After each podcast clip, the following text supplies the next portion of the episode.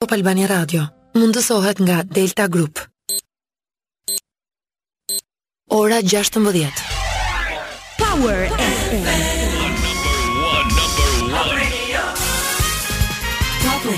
Flash në Top Albania Radio. Informacionet kryesore të ditës.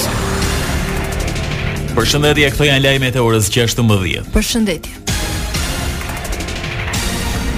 Tërmeti i mbrëmjes së djeshme me magnitudë katër pikë shtatë të shkallës Richter ka zgjatur dyzet sekonda, kjo e matur në aparaturat e Institutit të Gjeoshkencave.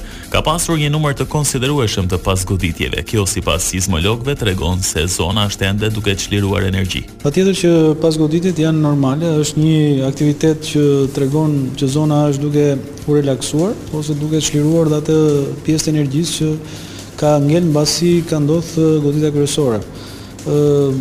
Ka një numër të konsiderueshëm pasgoditjesh. Luhatja e magnitudave të tyre në orët e në momentet e tanishme tregon që do të kemi akoma një një përvijim në kohë të të këtyre pasgoditjeve.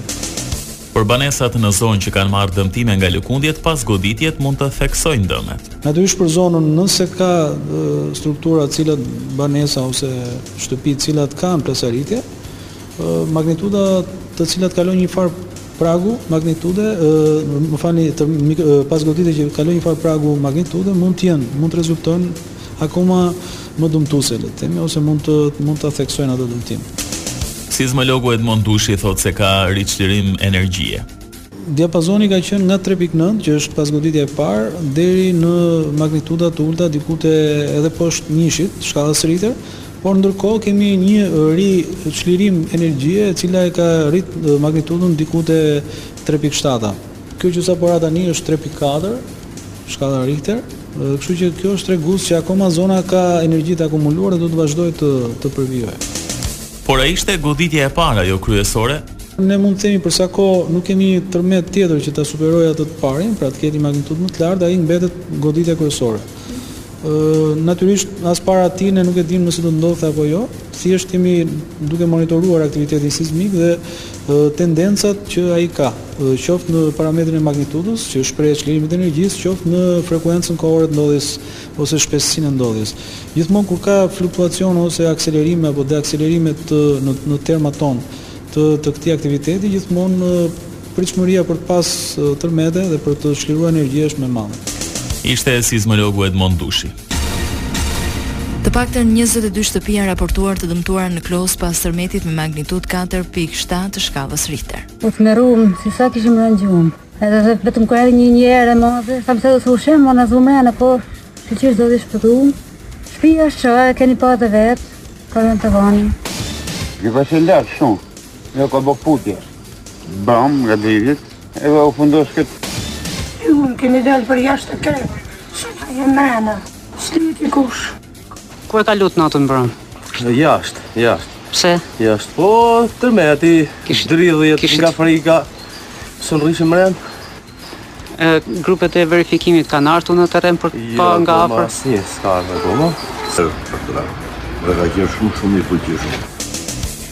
Ndërkohë, grupi i emergjencave po vijon punën në terren për verifikimin në të katër njësitë e bashkisë Klos. Ministrja për Evropën dhe Punët e Jashtme Olta Xhaçka ka thirrur në ministri dhe i ka dorëzuar ambasadorit britanik Alastair King-Smith një notë verbale lidhur me deklaratat e ministrit të Emigracionit britanik Robert Jenrick. Ky i fundit përdori një gjuhë të papranueshme ndaj shqiptarëve teksa kërkoi largimin e tyre. Kjo vjen një muaj pasi kryeministri britanik Rishi Sunak njoftoi që Tirana dhe Londra kanë arritur një marrëveshje për emigrantët shqiptarë. Nëpërmjet një videoje të publikuar në rrjetet sociale, ministri britanik i emigracionit Robert Jenrick përdori një gjuhë të papranueshme teksa njoftonte nisjen e dhjetëra shqiptarëve drejt Tiranës. Në video Jenrick shfaqet duke iu referuar shqiptarëve si kriminelë dhe bën thirrje që të kapet secili prej tyre dhe të largohet sa më shpejt nga Britania e Madhe. Lajme nga rajoni.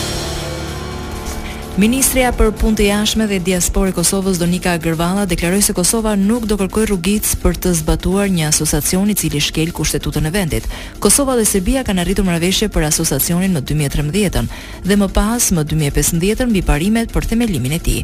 Por Serbia kërkon që Kosova të zbatojë marrëveshjet e arritura, ndërkohë që qeveria e Prishtinës është deklaruar kundër një asociacioni njëetnik. Lajme nga bota. Solidaritet nga e gjithë bota, por asnjë fjalë nga ju, me këto fjalë presidenti ukrainas Zelensky ka dënuar heshtjen e popullit rus pas sulmit me raketa në një ndërtesë në qytetin e Dnipros, i cili vrau të paktën tridhjetë persona. Ai e cilësoi heshtje frikacake. Zelensky shtoi se ka marrë shumë mesazhe nga e gjithë bota dhe duke iu drejtuar rusëve në gjuhën e tyre i vuri në dukje se edhe tani ata nuk kanë mundur të thonë fjalë dënimi kundër këtij terrori. Kremlini mohoi tensionet mes ushtrisë ruse dhe forcave mercenare Wagner pas pretendimeve për fitore në fushëbetejë në Ukrainë. Zëdhënësi Dmitri Peshkov sugjeroi se ky konflikt është shpikur nga gazetarët apo blogerët ushtarakë. Që të gjithë ata po luftojnë për atdheun e tyre, tha Peskov, duke iu referuar ushtrisë dhe Wagnerit. Grupi i mercenarëve është themeluar nga biznesmeni i lidhur me Kremlinin, Yevgeny Prigozhin. Ashtu siç përflitej, ministrja gjermane e Mbrojtjes Christine Lambrecht ka dhënë dorëheqjen duke shkaktuar një krizë në ekzekutivin e kancelarit Olaf Scholz, shkak u bë një mesazh i përcjellë prej saj në natën e ndrrimit të viteve. Ministrja kishte postuar në mediat sociale një video ku në sfondin e zhurmës së fishekzjarreve fliste për përvojën gjatë vitit duke theksuar se ka qenë me shumë impresione të veçanta takime me njerëz të mrekullueshëm. Por deklarata e saj në një kohë ndodhi kur lufta e Ukrainës po zhvillohej si dhe u konsiderua e pavend. Art dhe kulturë. Gina Lollobrigida, një prej yjeve më të mëdha të kinematografisë evropiane, e përshkruar shpesh herë dhe si gruaja më e bukur në botë ndërroi jetë në moshën 95 vjeçare. Ajo la pas një trashëgimi filmike që përfshin filma të mëdhenj si Gungaçi i Notre Damit apo e bukur por e rrezikshme, Lollobrigida interpretoi në krah të legjendave të Hollivudit si Humphrey Bogart, Anthony Quinn, Frank Sinatra apo Errol Flynn.